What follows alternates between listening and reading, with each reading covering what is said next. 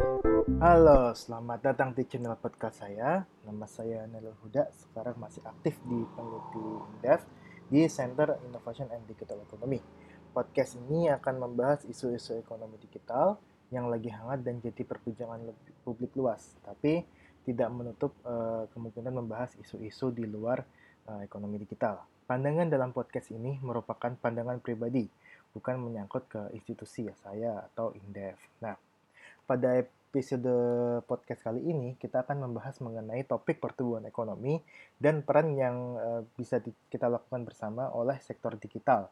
Nah, sebagaimana yang kita ketahui bersama, pandemi membuat perekonomian kita menjadi resesi. Pertumbuhan ekonomi nasional pada tahun 2020 triwulan 2 terkontraksi hingga 5% dan pada triwulan 3 sebesar 3,49% dan triwulan 4 yang baru dikeluarkan Jumat kemarin sebesar minus 2,19 persen.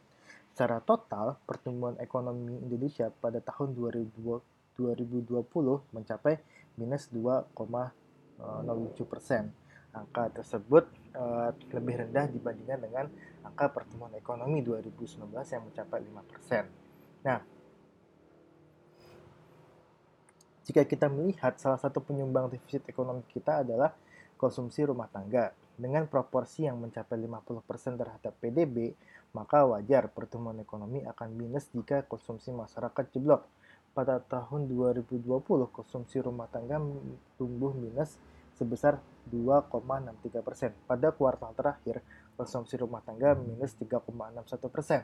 Data, data dari BPS itu menyebutkan bahwa sih konsumsi rumah tangga terhadap pertumbuhan ekonomi kita minus uh, min 1,43 persen.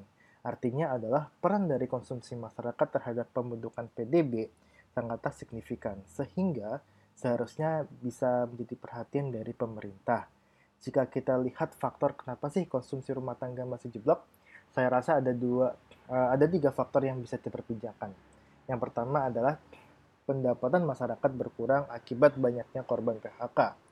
Data dari BPS eh, Agustus 2020 menyebutkan bahwa angka pengangguran Indonesia naik menjadi 9,77 juta pengangguran atau naik sebesar 2,67 juta uh, pengangguran. Bahkan jika ditelaah lebih lanjut, banyak yang statusnya itu dirumahkan sementara dan berkurangnya jam kerja yang menyebabkan hilangnya pendapatan masyarakat. Akibatnya, daya beli masyarakat jadi jeblok. Nah, di sinilah uh, peran dari pemerintah itu uh, bisa membuat uh, korban-korban PHK ini mempunyai daya beli lagi dengan pemberian bantuan-bantuan kepada korban PHK yang terdampak dari COVID. Nah, yang kedua, faktor kedua adalah masyarakat masih enggan berbelanja karena takut tertular virus corona. Nah, ini adalah faktor psikis dari masyarakat. Masih takutnya mereka berbelanja merupakan bukti penanggulangan pandemi di Indonesia itu gagal. Angka positif yang terus meningkat hingga manajemen acak-acakan pemerintah menjadi alasan mereka enggan untuk berbelanja. Awal tahun ini pun pergerakan orang untuk ke grocery semakin menurun karena kasus COVID-19 yang terus naik bahkan mencetak rekor berkali-kali. Jadi uh, klaim pemerintah uh, bahwa pandemi terkendali itu patut dipertanyakan. Nah, yang faktor nomor tiga adalah program bantuan pemerintah yang acak-adut, bansos di korupsi, program kartu prakerja yang syarat kepentingan, hingga tidak jelasnya program pembatasan kegiatan yang seolah-olah itu cuman uh, sebatas pemanis saja agar pemerintah terlihat kerja untuk membatasi kegiatan masyarakat. Tapi efeknya tidak ada.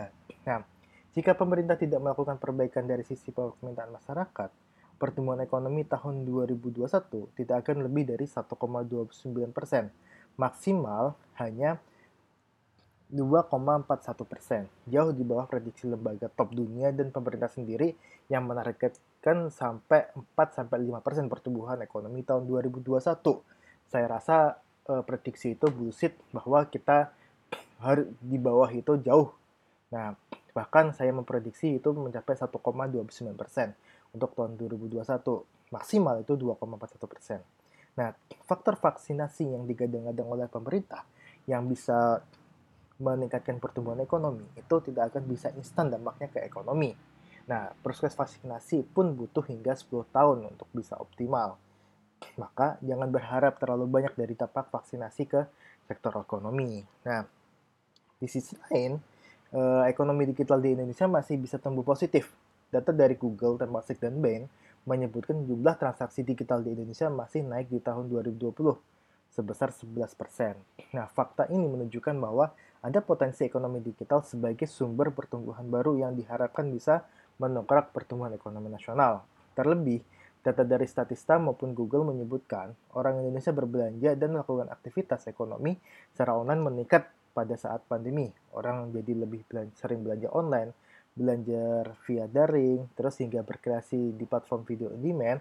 Bah, nah, ini menyebabkan pertumbuhan dari ekonomi digital Indonesia itu tumbuh positif di uh, masa pandemi. Nah, maka dari itu biarkanlah sektor digital ini tumbuh untuk dapat mengisi sektor-sektor tradisional yang masih turun akibat dari uh, pandemi. Perubahan perilaku masyarakat uh, tersebut membawa angin segar terutama bagi penyedia-penyedia platform online yang dia bisa meningkat seperti platform e-commerce yang tahun 2020 itu meningkat sampai 54% karena belanja masyarakat di uh, daring ternyata pada saat pandemi itu dua kali lebih banyak ketika sebelum pandemi. Nah, maka dari itu, uh, mari kita dorong sektor ekonomi digital untuk dapat berkembang. Bahkan pemerintah juga bisa mengajak sektor ekonomi digital berkolaborasi dalam mengenangani pandemi COVID-19. Namun, tentu dalam program-program yang tidak menimbulkan potensi korupsi dan kepentingan segelintir pihak, seperti eh, program Kartu Prakerja Online. Nah, masih banyak sektor digital yang dapat didorong untuk membantu pemerintah uh, mempercepat penanganan pandemi. Ingat, pan penanganan pandemi itu nomor satu. Pemulihan ekonomi akan menyusul berikutnya. Nah, uh, sekian dari saya. Uh, terima kasih bagi teman-teman yang sudah mendengarkan podcast saya ini. Insya Allah bisa rutin membagikan konten-konten dalam podcast saya sehingga bisa bermanfaat bagi orang banyak. Sekian dari saya. Uh, salam.